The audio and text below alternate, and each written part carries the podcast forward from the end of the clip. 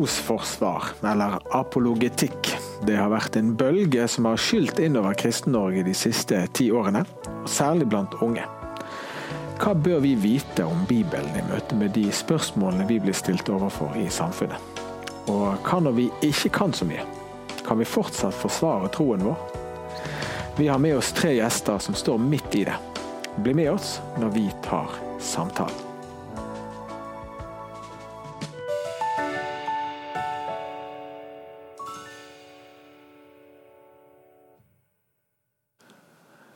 Du som var med oss på tirsdag på Live med venner, ble kjent med vår mann Rune Tobiassen. Og han er med oss i kveld også. Velkommen, Rune. Tusen takk. Ja, eh, apologetikk, eh, trosforsvar, hva er det for noe? Altså Det er faktisk et litt vanskelig ord, apologetikk. Men det kommer av apologia, som betyr forsvarstale. Så når du i første Peters brev står at 'vær alltid beredt til forsvar når noen krever det til regnskap for det håp som bor i dere, så handler det egentlig litt om at man skal være klar til å gi et svar når noen spør oss om det håp som bor i oss, om, om troa vår. Så den eh, forsvarstalen, den når du på en måte i rettssalen blir anklaga for noe, så får du en forsvarstale, du har mulighet for å gi et gjensvar. Det er det som er apologetikk, eller apologiaen. da. Hvem er det som eh, bør drive med det? Altså Egentlig så tenker jeg Av og til så kan apologetikk forbindes med noen sære som på en måte skal sette seg inn i veldig mange vanskelige spørsmål. Og, og sånt. Men jeg tenker jo at det handler om at vi alle skal være klare til å gi et svar. Og Det handler ikke om at man må sette seg inn i alt, men man skal ha en gjennomtenkt og begrunna tro. Det betyr ikke at man trenger det for å være kristen. For det handler om en relasjon til personen Jesus Kristus. Men hvis man opplever at, man, at, det er vanskelig å tro, eller opplever at andre utfordrer troa, så skal man kunne vite at troa den er velbegrunna. At det er mange gode grunner for å, for å ha en tro. og da, da kan det være ulike faser av livet hvor man trenger det mer enn andre. Eh, og kanskje da, som du nevnte oss innledningsvis, at kanskje unge mennesker trenger det. Og så ser at det de tror på, det, det er godt forankra. Fortell om eh, boken din, 17 grunner til at du er en kristen'. Hvorfor eh, skrev du den boken? Det var nettopp dette for å, å gjøre oss bevisst eh, hvorfor er vi kristne. Hvis du får spørsmålet på, på eh, arbeidsplassen, ikke sant? har jobba der i ti år, og så lurer de på hvorfor er du egentlig kristen. Og Da, da syns jeg dette ordet som vi har, det skrives på følgende måte E, E, E. Uttales sånn. Eh, Eh, eller bæ. Altså, man vet ikke hva man skal si. Og da tenker jeg at Det handler litt om å være klar til å gi et svar når noen spør oss. sånn at vi, Det fortjener den som stiller spørsmålet. Og Derfor så ønsker jeg å gi ærlige svar i møte med ærlige spørsmål. Har tenkt igjennom hvorfor jeg tror det, og ikke bare for min egen del. Men faktisk fordi at dette er noe vi er blitt utfordret til å gi videre. Dele troa videre. Det er sånn vi fikk del i den. Og derfor skal vi også gi den videre. Så vi er utfordra av Jesus sjøl til å være klar og til å gi et svar når noen spør oss. Det er jo et miljø, og vi skal snakke litt om det i dag, som er veldig fokusert på dette. Mm. Men hva med de som ikke tilhører et miljø som driver med høyere utdanning, eller som er fokusert på dette? Vanlige folk eh, som har hatt en tro, eh, og som er tilfreds med det. og, og, og ja, hva, hva, er viktig for de i denne sammenheng? For de fleste av de som ser på her, de er i den kategorien. Nei, jeg tror kanskje at eh, vi må i hvert fall se at, eh, at eh, vi kan ikke argumentere mennesker inn i Guds rike. Jeg tror faktisk vi kan elske det inn i Guds rike, men det er en annen sak. Med godhet og andre ting. Men vi kan ikke argumentere mennesker inn i Guds rike. Men apologetikk handler egentlig om å berede jordsmonnet. Så at når Guds ord blir sådd, så blir det sådd i god jord. For jeg tror nok at det er en del hardtrampa jord rundt forbi. Hva mener jeg med det? Jo, at jordsmonnet, på en måte, hjertet, da, er blitt litt hardtrampa. Enten følelsesmessig eller intellektuelt. At det er blitt hardtrampa. Og Da handler trosoppsvaret om det å kunne pløye jorda og bearbeide jorda før det blir sådd. Så Sånn sett så er ikke det vi skal, noe vi skal gjøre i egen kraft, og så kommer Den hellige ånden på en måte, eller Guds ord skaper tro. Men, men, det er en overbevisning, sånn som også Paulus gjorde. Han overbeviste. Eh, og, og eh, Kong Agrippa sa det nå er det like før du får meg til å tro. Altså, det, det, er på en måte, Vi kan overbevise, for dette er overbevisende. Og... Eh, Så det er vanlige folks tur. holdt jeg på å si. Det handler om at vi alle som kristne da skal kunne vite, og det vil gi oss en større frimodighet, hvis jeg vet at dette er utprøvd, dette holder vann, så kan noen av oss bruke litt mer tid til å gå i dybden på det eh, i akademia, eller i, i møte med samtaler med ateister eller humanetikere eller eh, muslimer eller hvem måtte være. Og så skal vanlige folk få lov til å tenke at dette er frimodig nok, sånn at vi deler det. Men også når man trenger det, da. Kanskje man erfarer at man tviler på et felt. Så kan man få lov til å undersøke og gå i dybden på det feltet. Du har skrevet en bok, og så jobber du også med trosforsvar eh, i, i NLAs lagsammenheng. Mm. Lærerakademiet og Norsk kristelig skole- og studentungdomslag. Mm. Eh, hvordan kommer dette til uttrykk i din hverdag? Hvordan jobber du med dette? Jeg har en stilling på et studie som heter Kommunikasjon og livssyn, som er på NLA høgskolen, som er i Kristiansand. Og Det har vært en spennende reise, kanskje fra 2001 til 2024 nå, da. Så har det vært beredt på en måte en grunn for dette med trosforsvaret. Det trengs. For noen har jo lurt litt på trenger troen forsvares. Kan ikke Den hellige ånd bare oppvise? Men det å, å, å gjennom, eh, gjennom Margunn og Lars Dale og Stefan Gustavsson og andre som har på en måte jobba med å berede grunnen. Det har vært veldig viktig å, å, å gjøre det, for vi, vi, trenger det. Vi trenger å stå i samtalen i møte med mennesker som ikke tror. Og vi trenger å, å eh, våge å ta de vanskelige spørsmålene. Det at ikke vi er redd for innvendinger mot kristen tro. Eh, jeg har selv hatt med en podkast med en ateist, pastoren og psykologen. Og da, da eh, utfordrer vi hverandre med respekt, med toleranse. Men vi våger å på en måte ta de spørsmålene. Og Det er jo selvfølgelig ikke det sånn at eh, alle skal måtte gjøre det. Men man skal kunne vite at det er folk på et svært høyt nivå verdensbasis som, som, på en måte har gått i dybden, og eh, som, som, som, vinner diskusjonene i møte med artister. Det tror jeg er litt viktig for alle kristne å vite. Så denne boka 17 grunner til at jeg er kristen handler jo egentlig om å, å gjøre en bevisst som kristen hvorfor man er det, og få flere eh, bein å stå på med troa. Så at ikke det bare er opplevelsen du hadde for 17 år siden eller 3,5 uker siden, eller det kristne miljøet, eller at du vokste opp i et kristent hjem, som er grunnen til at du er kristen. Men at du kan se at naturvitenskapen peker på Gud, at du ser at Bibelen er troverdig, oppstandelsen er troverdig. Og så får du opplevelsene og hodet og hjertet og hele det som en del av troen. Jeg har merket meg en økende interesse for dette med trosforsvar, spesielt blant unge. Hvordan er det det kommer til uttrykk? Nei, Det er mange som er nysgjerrig, og det er mange som er nysgjerrig på, på, dette med tro. Og Vi kan ofte tenke at vi merker en sånn fiendtlighet, men mennesker lengter jo etter en fred. Mennesker lengter etter svar, mening. Og vi har det. Og så lar vi være. Så jeg kjenner jo at vi, vi men vi, vi, vil jo også møte en sånn fiendtlighet i forhold til hvis man står på, på, noen verdier, eller hvis man står for noen eh, standpunkt som ikke er populære, så vil man kanskje møte motstand på den måten. Men jeg tror det er veldig viktig å se hjertet bak. At man egentlig ønsker og lengter. Og kanskje ikke de vet eh, at Jesus er svaret på spørsmålet, men, men, men, vi trenger å lytte oss inn til å lytte til hva er deres lengsel, hva er deres eh, egentlige spørsmål. Og så kan vi tune inn og gi, oss, gi det svaret som vi tror er det rette. Nå har du skrevet bok, du er en autoritet i dette miljøet, og jeg merker hjertet ditt for de som har disse spørsmålene, de mm. unge. Mm. Eh, hva skulle du ønske at noen hadde lært deg når du var 17-18 år gammel? Nei, jeg tenker Kanskje jeg fikk lov til å komme med de spørsmålene, og opplevde at det var rom for dem. Så det er litt viktig at vi som kirker og bedehus har rom for spørsmålene, rom for tvilen. Ikke dyrke tvilen, men rom for det. Og at vi alle er underveis. At ikke det må være sånn at vi må fokusere på en sterk tro, eller, men, men, hvem tro er retta mot. Det er viktig for meg. Og så tror jeg også det er viktig at vi, at, eh, at vi, vi setter oss ned og lytter eh, til barnebarnet som kommer med et spørsmål. Eh, til eh, kollegaen som har eh, et spørsmål. Altså at vi, vi, vi hører hva, hva, de sier. For noen ganger kan det være kanskje litt sånn Hvorfor kan du tro på det? Ikke sant? Og så, jo, og så kan man få gi et ærlig vitnesbyrd i møte med det, men de kan også hva, hva, tror du, da?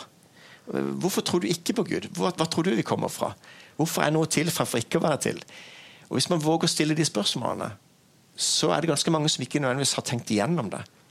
Og da kan det være at oi, plutselig så må de også begynne å tenke gjennom mening med livet. og de, Kanskje de får en stein i skoen som gjør at ikke nødvendigvis de kommer til tro der og da, men de begynner å hva er det egentlig, hvorfor er jeg her? Og Det er jo litt av hensikten med også å kunne møte disse spørsmålene der ute i en kristen setting, eller eh, i form av at man taler som pastor, at man gir rom for de innvendingene mot kristen tro. Vi skal få med oss eh, flere som kan hjelpe oss å kaste lys over dette, og som står midt i dette eh, om et øyeblikk. Først får du en sannhet fra Linda på Sanning samtalesenter.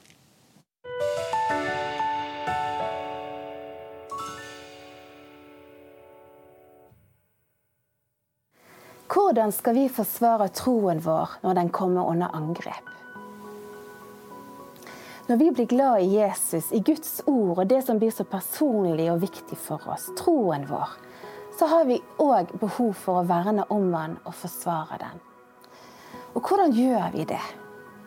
I 1. Peter så leser vi Hold Kristus hellig som Herre i hjertet. Vær alltid klar til forsvar når noen stiller dere til regnskap for det håp dere eier. Men gjør det ydmykt og med Guds frykt, så dere kan ha en god samvittighet. Noen ganger så kan det være vanskelig å vinne en diskusjon med noen som ikke tror på Bibelen. Men Gud vil at vi skal vitne om det som vi har sett og hørt, og forsvare håpet vi har. Resten kan vi få lov til å overlate til Gud.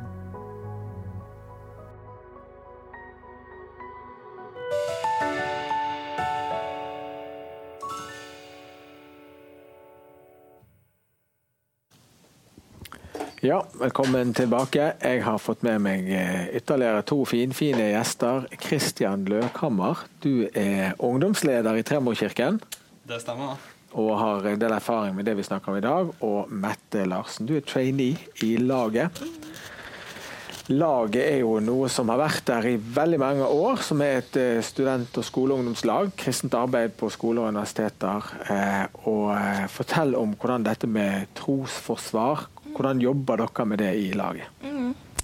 Jo, eh, så Vi har jo forskjellige konsepter i laget, og et av de er Grill en kristen. De faktisk eh, ser oss villig til å komme på alle skoler som spør, eh, og undervise i religionstimen. Eh, der vi har et panel eh, med forskjellige kristne. Folk fra laget, andre folk. Kristian Løkhammer er med. Eh, der vi får lov til å ja, dele om Jesus, eller egentlig dele om kristendommen, og få et svar på det folk lurer på. Eh, og en god mulighet til å ja, fortelle hva er det vi egentlig tror på. I tillegg til det så har vi jo andre konsepter som bøker som snakker om apologetikk. Eh, og det at vi tror, at, eh, ja, vi tror på en Jesus som er sannheten, og derfor vil vi forsvare at dette faktisk er sant. Og at det er grunn til å tro det. Mm. Hvordan er opplevelsen, eller hvordan er reaksjonen når dere kommer ut på skolene og treffer unge som stiller spørsmål? Mm. Eh, for jeg husker sånn, Første gangen jeg hørte om Grillekristen, så var jeg sånn Oi, dette virker veldig skummelt. Eh, tenk å bli grilt og svare på alt. Eh, men eh, for, overraskende nok så har det vært veldig positive reaksjoner, eh, både fra lærere og elever. Eh, der eh, lærerne gir gode tilbakemeldinger på at, eh, ja, at dette er noe faktisk som er bra. At vi kommer på en måte der vi ikke er perfekte, vi kan ikke alt, men vi har lyst til å fortelle hva er det vi egentlig tror på. Og vi tenker ikke at vi er bedre enn de andre, men det at vi faktisk ja, har lyst til å svare på de spørsmålene du lurer på. Og fra elever så ja, er de veldig positive. De stiller spørsmål som de faktisk lurer på. Det er jo noen ganger der folk vil ta oss på ting, og det har vi stor forståelse for. Men som oftest er folk faktisk veldig nysgjerrige nysgjerrige. De lurer på hvem er egentlig Jesus? Eh, hvorfor, tror dere, eh, hvorfor har dere deres egen kristne etikk? Eh, og vi får lov til å ja, svare på ulike spørsmål og gi våre perspektiv. da. Mm. Kristian, du driver med dette. Du er med og lar deg grille eh, som kristen. Eh, hvordan er den opplevelsen for deg? Du, det er rett og slett mest bare stas og glede. Eh, jeg har fått lov til å være på mange skoler rundt om, mest her i bergensområdet, da, som jeg er fra sjøl. Eh, og den opplevelsen av å få lov til å komme inn i et klasserom, eh, gjerne med veldig ulike typer folk, folk som gjerne har ingen forhold til kristen tro, noen som har litt forhold til det, og kanskje noen som kommer fra kristne hjem. det er bare en helt unik mulighet da, for meg som kristen å få lov til å dele det jeg tror på, men på en måte på deres hjemmebane. At det ikke er sånn at de kommer som den ene nye i kirken, litt sånn oi, eh, sånn. Men at jeg kan komme som den sårbare inn i deres klasserom, og så kan de få lov til å på en måte grille meg eller stille meg spørsmål da, til det jeg tror på. Det, det syns jeg er veldig fint, for det, det, tenker jeg at vi som kristne kan gjøre. da. At når vi tenker vi har et budskap vi ønsker å dele, så må vi òg kunne være den sårbare. Så det masse fine øyeblikk med å være grillet på ulike skoler. Hva spør de om? Du, de spør om mye forskjellig. Det er jo alt fra seksualetikk til eh, himmel og helvete, til hvorfor kristen tro framfor alle andre religioner. Eh, men min erfaring er at ofte så begynner det med liksom de litt sånn klassiske. Og så etter hvert mot slutten så kommer det kanskje mer sånn Har du noen gang fått et bønnesvar? Har du noen gang hørt Guds stemme, eller Eh, hvorfor er du en kristen? At man begynner å høre at spørsmålet går fra at man ønsker å angripe, til at man begynner å søke litt mer. Er det noe i dette her? Eh, så du får en bredde. Det gjør du. Mm. Hva tror du, eh, Rune, det betyr for den ene kristne som er i den klassen, og opplever at det kommer noen eh, til unnsetning?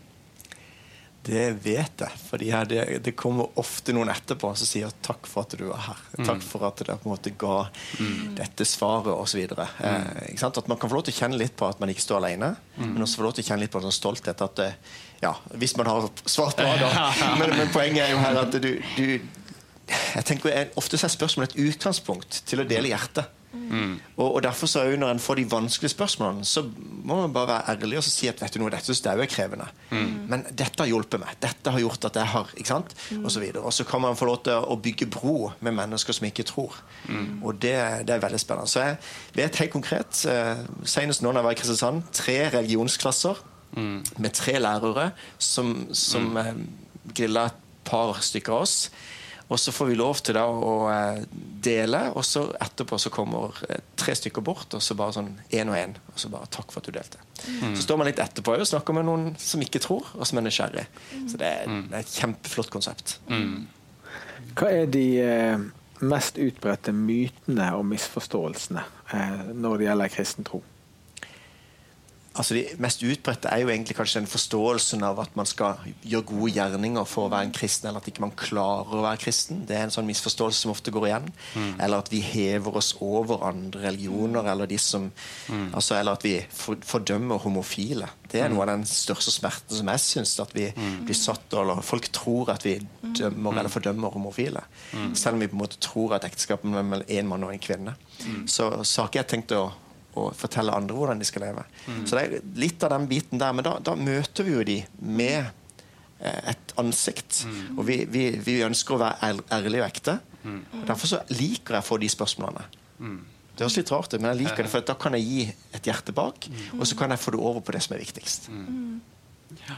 Jeg, jeg, opplever jo at på en måte Jeg er veldig opptatt av at når jeg kommer inn i et klasserom, så ønsker jeg ganske tidlig å på en måte si det at jeg forstår veldig godt som kristen at dere som er i dette klasserommet som ikke tror på Gud, ikke lever etter Bibelen. Mm. At liksom, det, det, det, det, er veldig rart for meg å skulle liksom anta at dere bare skal leve etter en bok som på en måte kristne tror på, basert på at vi tror på guden, som det står om i den boken. Mm. Eh, og det å på en måte liksom ta ned litt den der at jeg, jeg på en måte anklager ikke de for at de ikke lever sånn som Bibelen sier. Mm.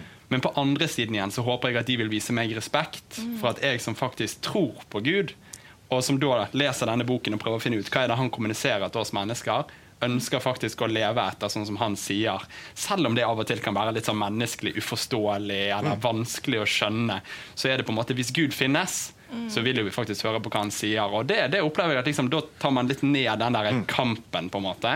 Og så blir man mer lyttende på tvers. For da skjønner de at jeg er ikke der for å si at du må gjøre sånn og sånn og sånn, og sånn, mm. men jeg er der for å fortelle om det jeg tror på den guden jeg tror på. Hvis de tror på Gud, så kan jo vi sammen åpne Bibelen og se litt hva han ønsker å fortelle til oss. da. Mm. Så det, ja, det, er i hvert fall jeg, det tror jeg er viktig. Mm. mm.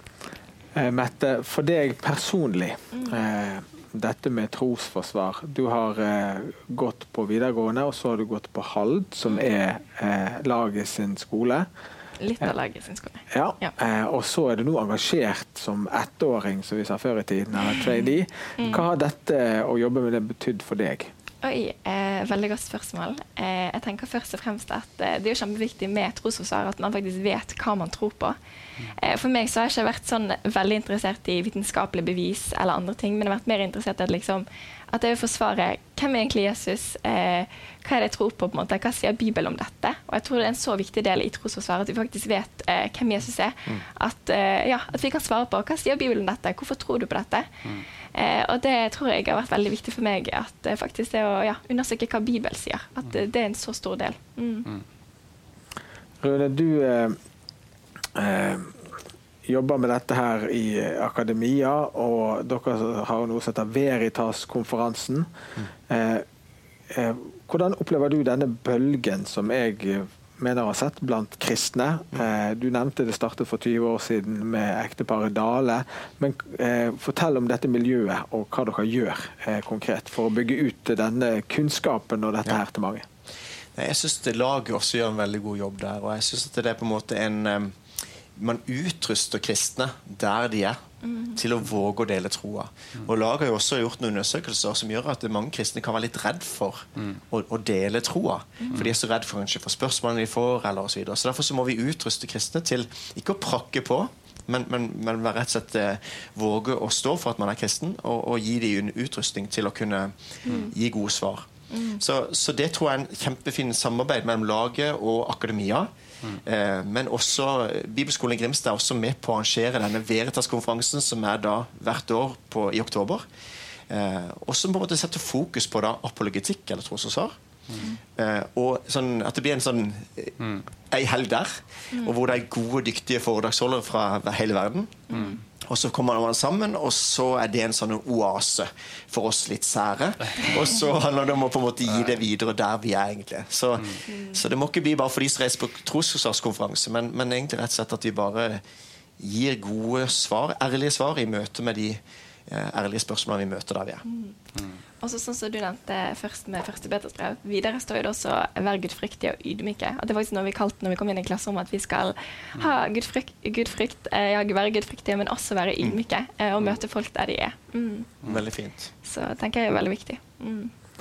I den sammenhengen som jeg kommer fra, vokste opp som pinsevenn, eh, så er jo det et ideal som handler om både kanskje en litt sånn feilaktig forakt for høyere studier, eh, eh, men også dette her troen på det enkle evangeliet. Dette ordet om at selv ikke en dåre skal gå fare vill. Eh, Emanuel Minos jeg husker jeg sa til meg en gang, og han var så glad i dette idealet i pinsebevegelsen at man skulle komme rett fra plogen eh, til talerstolen. Du trengte ikke gå eh, på bibelskole eller på eh, Er det noen spenninger her, syns du, Rune? Nei, jeg tror, jeg tror det har vært en litt feilaktig måte å forstå det på. For det, det er Den hellige ånd som skaper tro. Det er Guds ord som skaper tro. Eh, men jeg tror likevel en sånn tanke om at ikke det skal være fornuftig. Altså fordi at eh, Det står i første kontrabrev kapittel 1 òg at, eh, at ikke det måte skal være eh, altså Det er en dårskap ikke sant? for den som går fortapt osv. Derfor så må du nesten la det være minst mulig klokskap i det. holdt jeg på å si. Men, men det å det er en sånn bit som har vært litt viktig for meg. Det er at du skal elske Herren Gud av hele ditt hjerte, hele din sjel og med all din forstand. Det står det i Matteus 22. Når Jesus siterer det, så siterer han Shema, Israel, Gamle testamentet, og peker på en måte på den jødiske trosbekjennelsen. Men der står det ikke forstand. Men det, det som, hvis du går i dybden på det, så er det på en måte hjertet i en hebraisk eller jødisk tankegang. Det er det sentrale i mennesket. Alt utgår fra det. Livet utgår fra det. Så der er det også fornuft. Mens vi skiller veldig på hode og hjerte. Fornuft og følelser. Jøden alt er hjerte. Så, så Derfor så tror jeg vi trenger, når det der skal oversettes til gresk tankegang, i nytestamentlig gresk, så blir det slag, sagt, eh, stengt på fornuft, holdt jeg på å si. For at hodet også er helt naturlig. Så vi skal ikke bare ha Jesus i hjertet. Jeg mista litt frimodighet på det når noen kom og sa det at eh, Ja, men Rune, du har sånn hodekristendom. Nei. Så fikk jeg en frimodighet på at min vei til hjertet er gjennom hodet. Men så ser jeg at det er også for snevert. Jeg skal la Jesus tyte fram overalt. det. Han skal være i hodet, i hjertet og i hender og føtter. Så jeg kan tro med hender og føtter. Mm.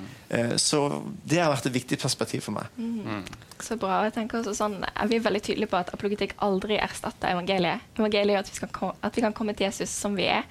Samtidig som at, eh, ja, at det kan være en god vei til å åpne evangeliet for oss. At vi kan få, de kan få høre Guds ord, som du har sagt, og få lese i Bibelen. Mm. Eller og, ja, få høre evangeliet gjennom den måten. Mm. Eh, ja, så jeg tror at eh, det aldri erstatter, men at det er så viktig. Mm. Eh, og at eh, når man først møter Jesus, så skjer jo det en forandring i oss mm. som kanskje gjør at vi har lyst til å lære mer om Jesus. Ja. Mm. Ja, og det med å bruke Bibelen som utgangspunkt, det er mm. også en sånn sentral verdi. Eh, mm. hvordan er det når du er ute og treffer folk? Bruker du Bibelen mye? Ja, altså det er jo på en måte forskjellige spørsmål krever gjerne forskjellige innganger til svar. Men jeg vil jo si at måte, Bibelen er jo utgangspunktet for alt. For det, jeg tenker på en måte at jeg har sett det at evangeliet, som på en måte er oversatt til norsk, er jo gode nyheter. Mm. Jeg har sett at jeg sitter med så gode nyheter at det må ut. Altså det må ut til folket. Og det er jo det som på en måte gjør at sånne som meg, som jobber som ungdomspastor til dagen og får lov til å forkynne evangeliet hver eneste fredag for mange ungdommer, det at jeg òg får lov i ukedagen å stikke inn i klasserommene til noen og fortsette å fortelle om dette budskapet, men kanskje der jeg òg må være klar for at de stiller utfordrende spørsmål. Det gjør jo at det er jo Bibelen, det er jo kjernen på en måte jeg ønsker å få fram. At på en måte alle disse andre på en måte ja, utfordringene vi står i, da, det er jo sånn det er ikke det sentrale. Så jeg prøver jo, det må kanskje ikke alle få med seg, men jeg prøver jo når jeg er ute å være liksom flest ganger komme til evangeliet. Gang på gang på gang. At de kan spørre meg om det, men så ønsker man å lede det til evangeliet. For det er jo der kraften til det nye livet ligger. Vi kristne er jo ikke religiøse som ikke skal gjøre sånn, ikke gjøre sånn, ikke gjøre sånn og gjøre sånn og gjøre sånn. og gjøre sånn. Men vi er jo i sannhet folk som har skjønt at vi er fortapt, som er helt avhengige av frelse utenfor oss sjøl. Så det er jo det som er vakkert når man får reise ut, at de fleste spørsmål ledes jo egentlig bare til evangeliet. Mm. Så man får ha delt mye evangeliet og Guds ord når man er ute. Hva sier lærerne eh, på skolene? Du, de er overraskende positive. Jeg har faktisk ikke hatt én opplevelse med negative lærere. Så det, de syns det er flott. Og så er det jo forskjellig om de liksom syns det er veldig flott og har lyst til å snakke med deg mer etterpå, eller om de er sånn Ja, det var flott. det er jo forskjellig, men jeg har ikke opplevd noen sånn kritikk eller sånn. Og det er jo, det er jo de som stiller spørsmålene, sant. Men jeg må klype meg litt i armen. At liksom, hva får jeg lov til å være med på? Dele kristen tro i klasserommet, og ingen Ingen er og, og det som er så unikt her, er at det er jo i tråd med fagplanen. Mm. Så Poenget er at de skal eh, på en måte ha en kritisk stemme i møte med religioner. Mm. Og det gjør jo at eh, Derfor så kommer laget veldig fint inn og legger og sier at vi kan være der. Eh, mm. Og det er en gavepakke for lærerne. Mm. Så de er veldig takknemlige, som du sier. Og så, mm. så syns de det er bra. Mm. Og da vil det være naturlig også at man kan fortelle, fordi man kommer utenfra, og kan da fortelle hva man tror på. Så da opplever jeg også at lærere kan være der og være takknemlige for at man er en fin røst for, for kristen for Det er jo også kristne lærere som ønsker at det skal komme fram på en god måte, men ikke kan gjøre det fordi de har den posisjonen de har. Mm. Ja, eh, Nå sitter det sikkert noen der hjemme og tenker at eh, når jeg gikk på skolen, så lærte vi Bibelen på skolen. Og vi sang salmer. Eh, og eh, kristendommen var en del av utdannelsen. For de som kjenner den historien, vet jo at utdannelse startet jo med kristendom. Og Nå sitter vi her og snakker om privilegiet at vi som kristne overhodet får lov til å være det. Mm. Det er noen perspektiver her, Rune. Mm. Ja, ja, det er det. Og derfor så tror jeg vi Men på en måte som er besidig sånn at eh, K-en i KRLE ikke sant, som mm. forsvinner mer og mer, på en måte. Men, men likevel kan det være en slags vaksine òg. Når man har fått en undervisning i kristen tro i skole, mm. uten egentlig å få tak på hva kristen tro er. Så, sånn sett så, så, er jeg ikke så redd for at den forsvinner, så lenge det blir et samfunn som er livssynsåpent, og som gir rom for at man som kristen kan få lov til å dele troa. Den der tanken på at man da skal legge lokk på en samtale, og at ikke det skal være noe tro i det offentlige rom, for alle har jo tro. Mm. Den tanken der den må vi på en måte være med og kjempe mot. At vi skal ha toleranse for ulike syn. Men, men heller la de få lov til å møte ekte liv. Mm. Kristendom i praksis. Mm. Så kanskje ikke de er vaksinert, men kanskje de møter, møter eh, et menneske som har blitt møtt av Jesus. Mm. Og det forandrer liv. Mm. Vi skal fortsette denne samtalen, men før vi gjør det, så får du en kort og viktig reklamepause. Se her.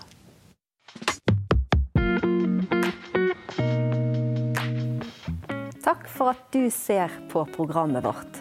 Og hvis du liker det vi gjør, så vil vi invitere deg til å være med og støtte oss. For vi kan bare gjøre dette så lenge seerne holder oss på luften. Så send gjerne din gave på VIPS 76 38 05.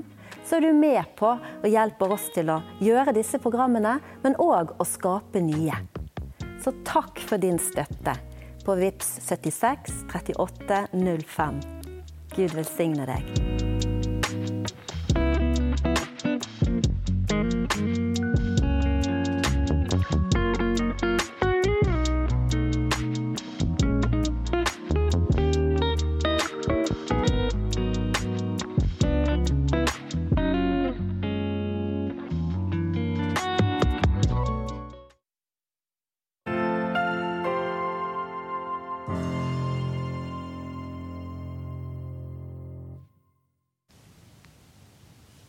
Velkommen tilbake.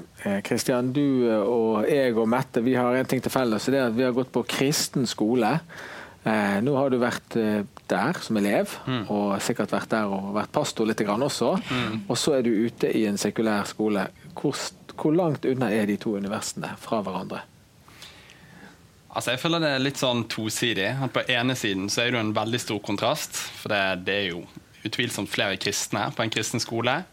Eh, og når du kommer til et sted som, ikke, altså, som er mer vanlig offentlig skole, så, eh, så, er det jo færre kristne. Så man merker jo på en måte forskjellen, spesielt på sånne konsepter som Grillen kristen. at det er, Du kan komme til et klasserom der det er sånn Er det egentlig noen kristne her? Mens på en kristen skole er det helt annerledes. da. Men jeg har vært veldig opptatt når jeg har gått på kristen skole sjøl, at jeg har tenkt at det er jo en enorm misjonsmulighet. For det er veldig mange som ikke tror, som går på den skolen. Eh, så på en måte så tenker jeg man kan se en, en mulighet da, på kristne skoler som eh, at Du må i hvert fall ikke komme med den tanken om at her er jo alle kristne, så her kan vi bare gå på skolen og gå hjem igjen og så drive kirke ved siden av. Men vi må virkelig se muligheten til at det er veldig mange som kommer på skolen nå som, som ikke er kristne, og som vi kristne kan bety en stor forskjell for. da. Men så ser jeg veldig opp til de som går på andre skoler, og som kanskje er mer alene, og tenker at wow, de er tøffe, altså. De som tør å mm. stå på. Og når jeg jobbet i laget, så var jo det noe av det største for meg. Å bare se at oi, her har du liksom en jente på, i åttende klasse, eller en gutt i tiende klasse, eller noen i første klasse på videregående som er nesten alene. De er kanskje to stykk på skolen sin, men de gir gass. Liksom, vi, vi, gjør det for Jesus. Og så tenker jeg wow, for noen forbilder. Og jeg tenker at vi som er litt eldre, vi, vi kan virkelig se opp til de som tør å stå opp for sin tro, selv når de er litt alene. Mette, du eh, har også gått på kristen skole. og Nå har du vært eksponert gjennom laget for andre skoler. Mm. Ville du gjort det samme om igjen? Er du glad for at du gikk på en kristen skole? Um, jeg er jo veldig glad for at jeg gikk på en kristen skole, at jeg fikk lov til å ha kristne lærere som eh, er der for oss og ber for oss. Eh, og at vi får lov til å lære om Jesus på hverdagen i skolehverdagen. Eh, så jeg er veldig takknemlig for det. altså, er jo det en veldig god mulighet for å dele evangeliet hvis man ikke går på en ikke-kristen skole. Men samtidig så er jeg også veldig takknemlig for at, ja, at jeg fikk lov til å lære mer om Jesus og få kristne venner på en kristen skole.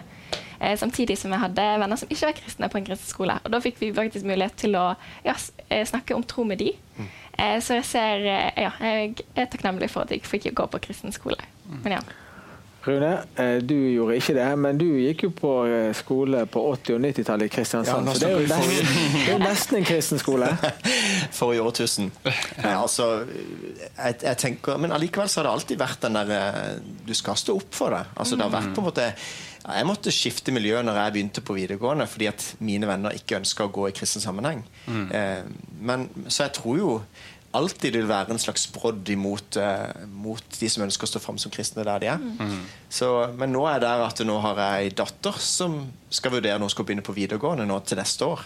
Mm. Uh, skal vi da anbefale en kristen videregående mm. skole, eller skal vi tenke at vi at vi tar inn i offentlig. Og hun skal ta valget sjøl, men vi kan jo også være med og legge til rette. Mm. Det syns jeg er litt vanskelig. Men da tror jeg det er viktig at ikke vi skal skyve de unge foran oss til å på mm. være vitner der de er, mm. men at de skal få lov til å bli utrusta og få lov til å få hjelp til å se at tro er troverdig. Mm. Så derfor så vil jeg mange måter anbefale kristen videregående skole for henne når hun skal velge nå. Mm. Ja, for Der er vi jo inne i en sånn klassisk diskusjon. Skal vi være på kristne skoler og beskytte oss mot verden? Mm. Eller skal vi være ute i verden og misjonere? Mm. Jeg heller jo mot det at uh, barna våre. Mm. Altså Vi driver ikke med barnesoldater i krig, for, for å si det sånn. Eh, at eh, mm. I den grad vi kan beskytte de, så vil de raskt nok få eksponeres for, mm. for eh, verden der ute. Hva tenker du? Du er ungdomspastor også. så er dette i fire farger. Ja. Altså, jeg, jeg, er egentlig veldig enig med det du sier, at, at, man må ikke pushe folk. i hvert fall. Det må ikke bli en sånn at man skaper et ideal av at du er flinkere evangelist eller kristen hvis du går på en, eh, på en måte offentlig skole. Eh, men så vil det jo løfte og jeg tenker at eh, når jeg gikk i tredje klasse på Danielsen, slutten av VG2, så spurte skolepresten meg om jeg kunne ta en prat med han. og Det sa jeg ja til, det var jo fri for en time. Så, og så pratet vi sammen om mangt, men på slutten så spør han meg har du lyst til å lede lagsarbeidet på skolen til høsten. Og så tenkte jeg ja, det skal jeg be for.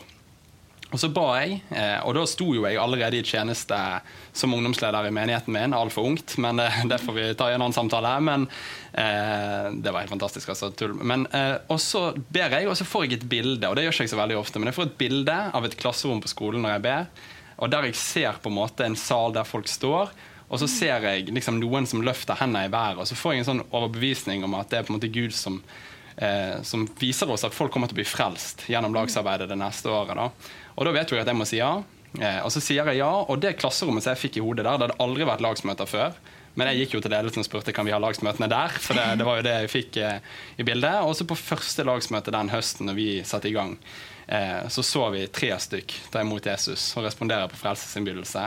Eh, og I løpet av det året så så vi åtte stykk ta imot Jesus, der vi vet at fem av de eh, var liksom aktive i ungdomsarbeid et år etterpå.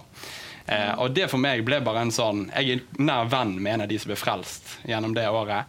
Eh, og det å liksom bare se at det er jo en enorm misjonsmulighet òg på de kristne skolene. Mm. At vi kunne være sånn at vi som tror på Jesus, vi samles i bønn hver dag i femte etasje for denne skolen. Mm. Og så driver vi lagsmøter der vi inviterer våre ikke-kristne venner til å høre våre historier og våre fortellinger. Mm. Så jeg eh, tenker at det er ikke et rett svar her. Men vi må i hvert fall ikke liksom, lure de unge til å tenke at kristen skole er lik ikke-misjon. Mm. og så offentlig skole er lik misjon. Mm. Mens jeg tenker at nesten tvert imot. På kristen skole har vi en enorm misjonsmulighet mm. til å nå de som, som går sammen med oss. Mm.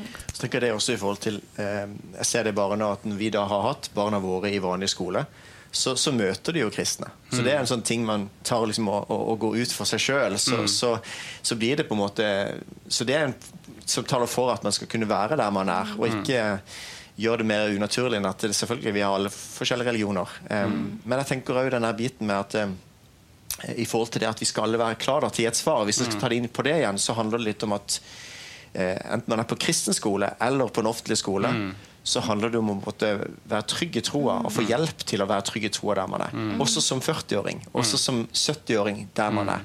Så kanskje det er litt av det viktige at vi skal være med og utruste.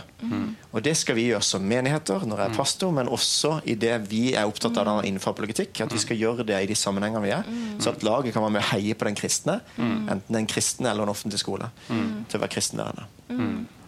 Veldig mange får problemer, kristne ungdommer, når de kommer i, eh, på universitet og høyskole.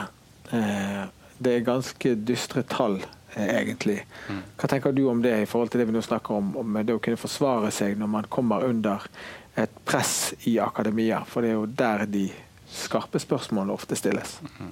Mm. Det er derfor vi kommer igjen inn hvor viktig det er at ikke det bare er at troen er en relasjon, og at det er en erfaring eller en opplevelse, mm. men at man også ser og Derfor tror jeg det er viktig at Kirka ganske tidlig mm. kan være der og, og, og, vise og ha opplæring i ungdomsarbeid osv. Mm. At det er på en måte en velbegrunna tro. Mm. Og ikke sette det opp mot vitenskap, men faktisk peke på at naturvitenskap og tro kan gå fint sammen. Mm. Eh, og det er det er noen som sier det at de tror ikke på Gud, de tror på vitenskap. som om det skulle være motsetninger. Jeg tror på Gud og vitenskap. Mm. Men det motsatte av Gud er ikke Gud. Mm. En atisme. For meg så krever det mye mye større tro mm. å tro at alt blir til av seg sjøl. Og den måten der å jobbe på, gjør de rett, eh, det tror jeg er ganske viktig at vi gjør. Enten det er her eller der. Eh, du eh, er den yngste av oss, eh, Mette. Eh, hva har denne type kristne forbilder hatt å si for deg? Altså, da du var elev og så opp til de som var på, i laget, f.eks. Mm. Hva, hva betydde det for deg? Ja, det betydde veldig mye. Og det å kunne se kristne folk som faktisk er stolte av det de tror på, mm. og faktisk vet hva de tror på. Eh, og ja, at de brenner for det, at de brenner for å dele Jesus med andre. Mm. Det tror jeg er så viktig at vi kan se på folk at eh, nei, det er ikke bare, det er ikke flaut å tro, det er ikke, det er ikke noe galt å tro, men det er faktisk mening med å tro. Eh, ja, så jeg tror det er så viktig å ha forbilder, og at, eh, at man faktisk blir sett av sine forbilder. Mm. Jeg husker eh, når jeg gikk på videregående, og det var en i laget som tok veldig mye initiativ med meg, så, så, ja, så fikk jeg liksom en helt eh, Ja, det var så viktig at bare bli sett. Eh, og at jeg skjønner det at liksom, å ja, jeg, jeg, faktisk, jeg, har faktisk noe verdi fordi jeg blir sett av andre mennesker. Mm. Eh, jeg tror det er noe så viktig med at vi har forbilder. Mm. mm. Rune, hvis vi skal se litt inn i fremtiden. Mm.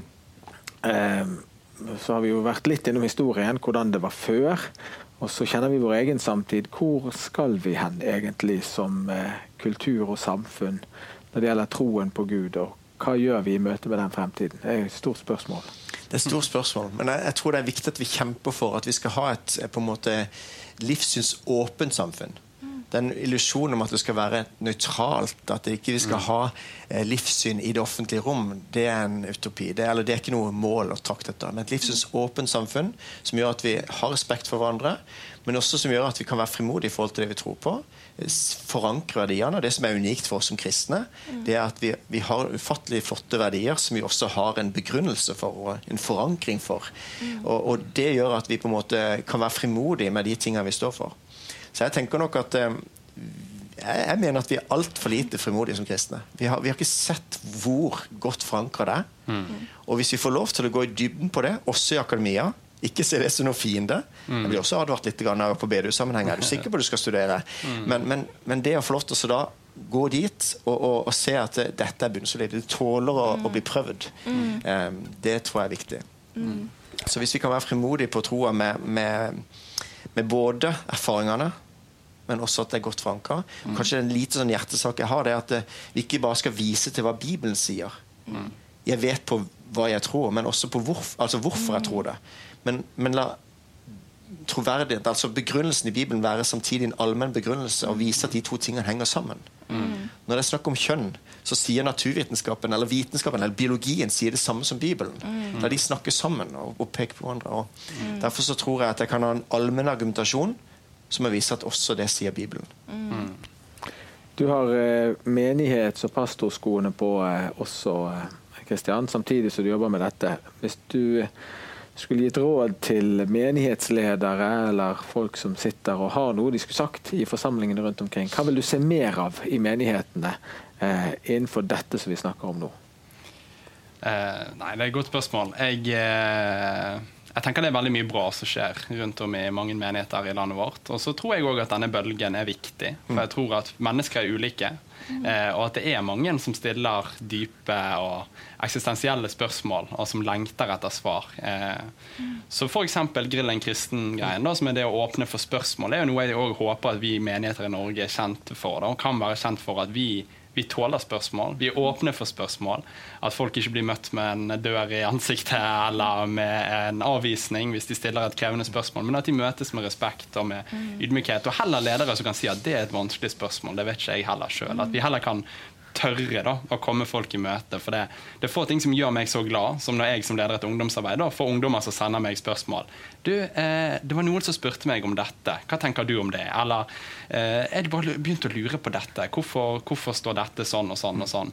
Og så på en måte tvinger det meg til å ta eh, det spørsmålet på alvor. da. Mm. Så det, det, håper jeg i hvert fall at eh, vi kan være kjente for. At vi er åpne for folk sine spørsmål. For det, det har vært viktig for meg. At folk har vært åpne for meg. Mm. Og da håper jeg at jeg og vi andre kan være åpne for de som mm. andre som kommer. Mm. Parallelt med dette, eller hva som er høne og egg, vet jeg ikke, men det er jo en trend blant eh, unge kristne ledere at man skal ta utdannelse eh, for å møte de spørsmålene og en høyt utdannet befolkning, f.eks. Eh, veldig i kontrast, kontrast til, til, det som var før. At det var det enkle evangeliet osv. Eh, hvordan eh, skal vi som eh, ikke syns at eh, skolegang var så veldig gøy, eh, hvordan skal vi tenke om dette? noen av oss kunne jo ikke raskt rask nok komme oss ut i arbeid. og Det samme gjelder jo mange som har et vitnesbyrd, som har et kall til tjeneste osv. må de ha seg en mastergrad for å bli pastorer i dag? Nei, absolutt ikke. Og det syns jeg er veldig fint også i, eh, i Frikirka, som jeg er pastor i, da, evangelisk-lutherske frikirke, at det er en lektankegang som er veldig viktig også. Mm. Så man kan egentlig bare ha fem-seks ukers kurs for å bli pastor i Frikirka. Mm. Og samtidig så i praksis er det mange som har tatt litt mer. Men jeg tror denne tanken på at, ikke, at, det, at det utdannelse handler hvis vi, hvis vi, forveksler det med at man må gjøre det for å bli en kristen eller for å bli god nok Det er jo ikke det det handler om. Det handler om relasjonen, mm. og det handler om at man skal gi videre det man har sett og hørt. Mm. Altså vitnesbyrdet. Mm.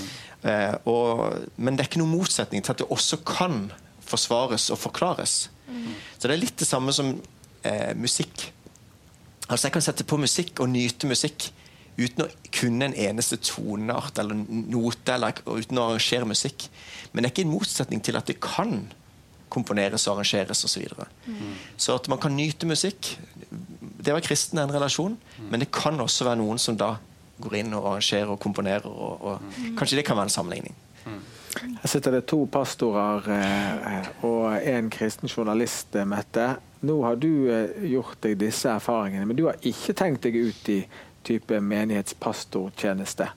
Eh, likevel så eh, har du skaffet deg denne type erfaring. Mm. Eh, hva tar du med deg ut i din yrkeskarriere? Jeg tar med meg ut det at jeg kan være alltid klar til forsvar. At, ja, at jeg kan få lov til å snakke om tro der jeg er. At det faktisk finnes gode grunner for å tro. Eh, samtidig så kan jeg også finne ut det at liksom, Man kan jo si det at vi kristne er litt hjernevasket. Men det at vi kan svare det at vi alle er påvirket av noe. Eh, og det er jo at eh, det faktisk finnes gode grunner for å tro, er jo mye mer overbevisende enn, at, eh, enn andre ting som ikke er gode grunner for å tro på. Mm. mm. Så, vi eh, nærmer oss slutten. Hvor håpefull er du for eh, de som er på Mette sin alder, rundt 20 år? Du, Der er jeg veldig håpefull. Mm. For at unge mennesker i dag de går med Jesus og våger å stå på Bibelens grunn der. Så det er verre med oss som er de som er på vår alder. ikke sant? Da våger vi å stå for, for, for det, eh, det, klassiske syn, f.eks. Mm. Det, det, jeg tenker at eh, jeg er veldig håpefull. Jeg ser unge mennesker som vil noe. De vil gå med Jesus. og det, det er jeg tror på. Men jeg tror at vi må begynne å dele vitnesbyrdet vårt. Mm. Og ikke overlate det til pastorer eller ledere. Mm. Men der vi er, våge å dele troa vår. Mm. Da vil det skje en vekkelse. Mm. Vi kan ikke be om at vekkelsen skal skje gjennom mm. bedehuset. Men vekkelsen skjer i det vi begynner å fordele vitnesbyrdet vårt. Mm. Og det er det som er litt av min motivasjon. Altså, nå må vi våkne opp. Mm. Del at du er kristen. Og det har vært kjempemye bety for meg at noen Sånn som Rune Bratseth, husker du han? Ja, ja. Fotballspiller. Det betydde så mye da vi var unge fotballgutter. Bare sa han var kristen. Jeg vet ikke hva han står for. Så det er på en måte det å liksom få lov til å, å, ha noen forbilder som sier at de er kristne, mm. og òg da se at det, det, er fornuftig. Det tror jeg mye betyr. Mm. Altså, ja, så er det det vi alle er det? Det er jo ikke bare pastorer som har kalt til det, men vi alle kalte kalt til å dele mm. evangeliet til folk. Og det er en befaling. Så selvfølgelig skal vi dele om Jesus til de vi møter. Mm. Og jeg, jeg, er jo bare litt sånn da, at I denne samtalen så tenker jeg at det kristne budskapet det er verdens beste nyheter. Mm. Altså det Er bare, det er helt sånn, er det sant, så er det bare mm. det, Alt annet er så uviktig. på en måte. Mm. At, at, jeg tenker liksom at Da er det litt sånn, du har den reklamen. sant? Det er fantastisk, mobil til én krone, og så er det liten skrift sånn. Na, na, na, Og Jeg tror det er sånn mange tenker om kristen tro. sant? Man tenker det er liksom, det er falske, gode nyheter. Men det er bare ikke sant. Altså, det er så godt grunnlag for at det òg er sant. Og hvis det både er så godt, som Bibelen sier, og det er sant, ja, da er det faktisk én ting som gjenstår for oss å si, og det er halleluja. og så er det å kjenne at man kan glede seg, for det er ja, Gud har virkelig kommet nær når vi får lov til å leve. Det evige livet det starter jo her og nå når vi tar han imot. Så det er jo det som er fantastisk. Så jeg er bare sånn, Det fyller meg med glede da, at det ikke bare er sant. Det, nei, ikke bare er godt, men jeg tror òg at det er sant, mm. og da er det bare halleluja. Fantastisk. Veldig bra. Mm. Perfekt inngang til det neste, for nå skal vi få høre et Guds ord. Eh, en andakt fra Trygve. Se her. Mm.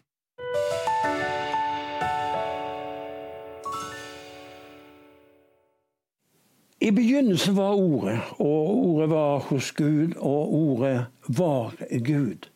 Han var i begynnelsen hos Gud. Bibelen vår starter med eh, I begynnelsen skapte Gud himmelen og jorden. Men Johannes han har tatt oss tilbake til Jesus som den personen han er. Han er I evangeliet hos Johannes er han kalt med logos. Hva betyr logos? Det betyr han er selve årsaken til alle ting. Og når vi forstår at uh, vi må ha noe utenom oss selv for å skjønne hva dette er, så har vi troen. Og i Hebreabrevet, eh, en del av det verset som står der Ved tro forstår vi at alt som er til, det er kommet ut av ingenting. For i begynnelsen skapte Gud, og han skapte det av intet. Det var ingenting. Men Gud i sin allmakt, han skapte det som vi har omkring oss. Ordet som er Jesus Kristus. Han har gitt oss også garantien for at ordet er sant. Det er, Vi kan stole på det. I synagogen i Nasaret så gikk Jesus inn.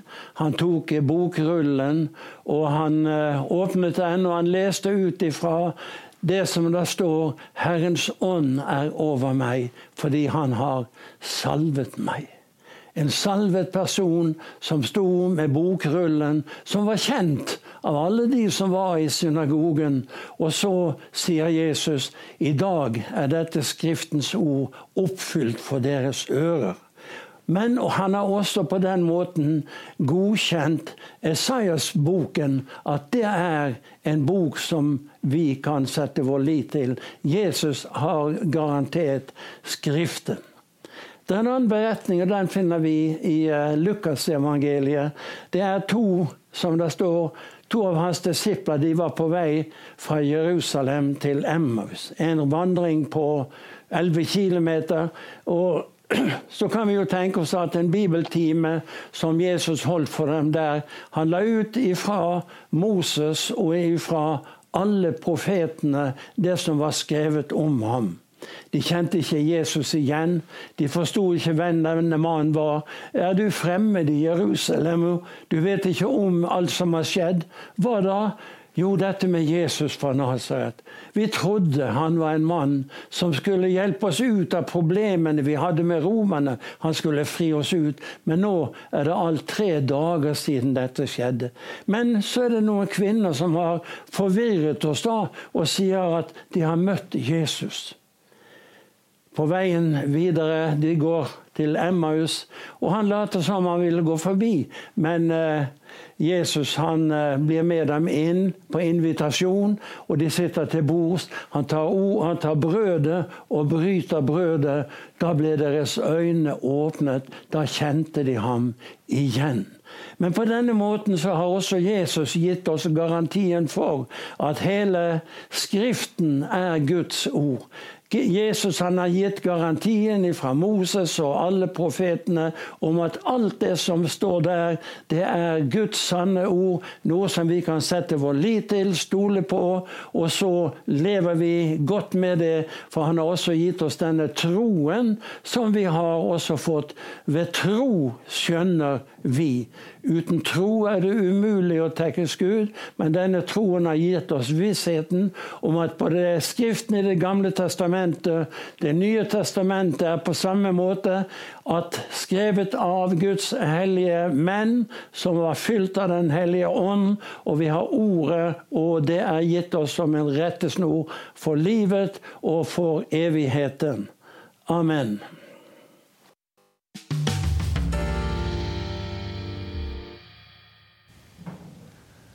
Kraftfullt amen fra eh, vår venn Trygve Korneliussen der. Tusen takk til deg. Og tusen takk til eh, Rune, Mette og Kristian, eh, fine gjester som både forteller oss om noe spennende som er på gang i kulturen vår blant de unge kristne, og også utfordrer oss til det som det står om i Peters brev, om å alltid være beredt til å forsvare det håp, eller gi et forsvar for det håp som bor i oss. Vi er så forskjellige.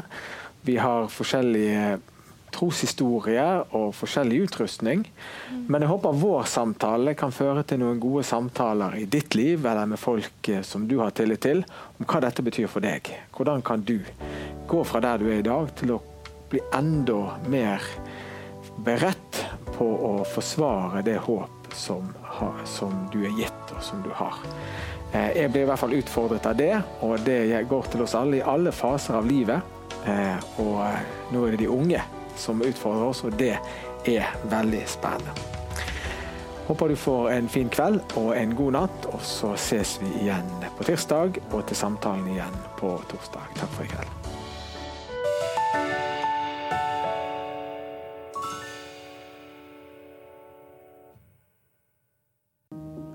Ganger handler samtalen om ting som kommer nært inn på livet og berører deg.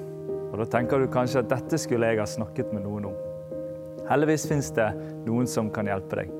Her kommer en liste over trygge kristne samtaletjenester rundt omkring i landet, som med glede tar imot deg og ditt behov.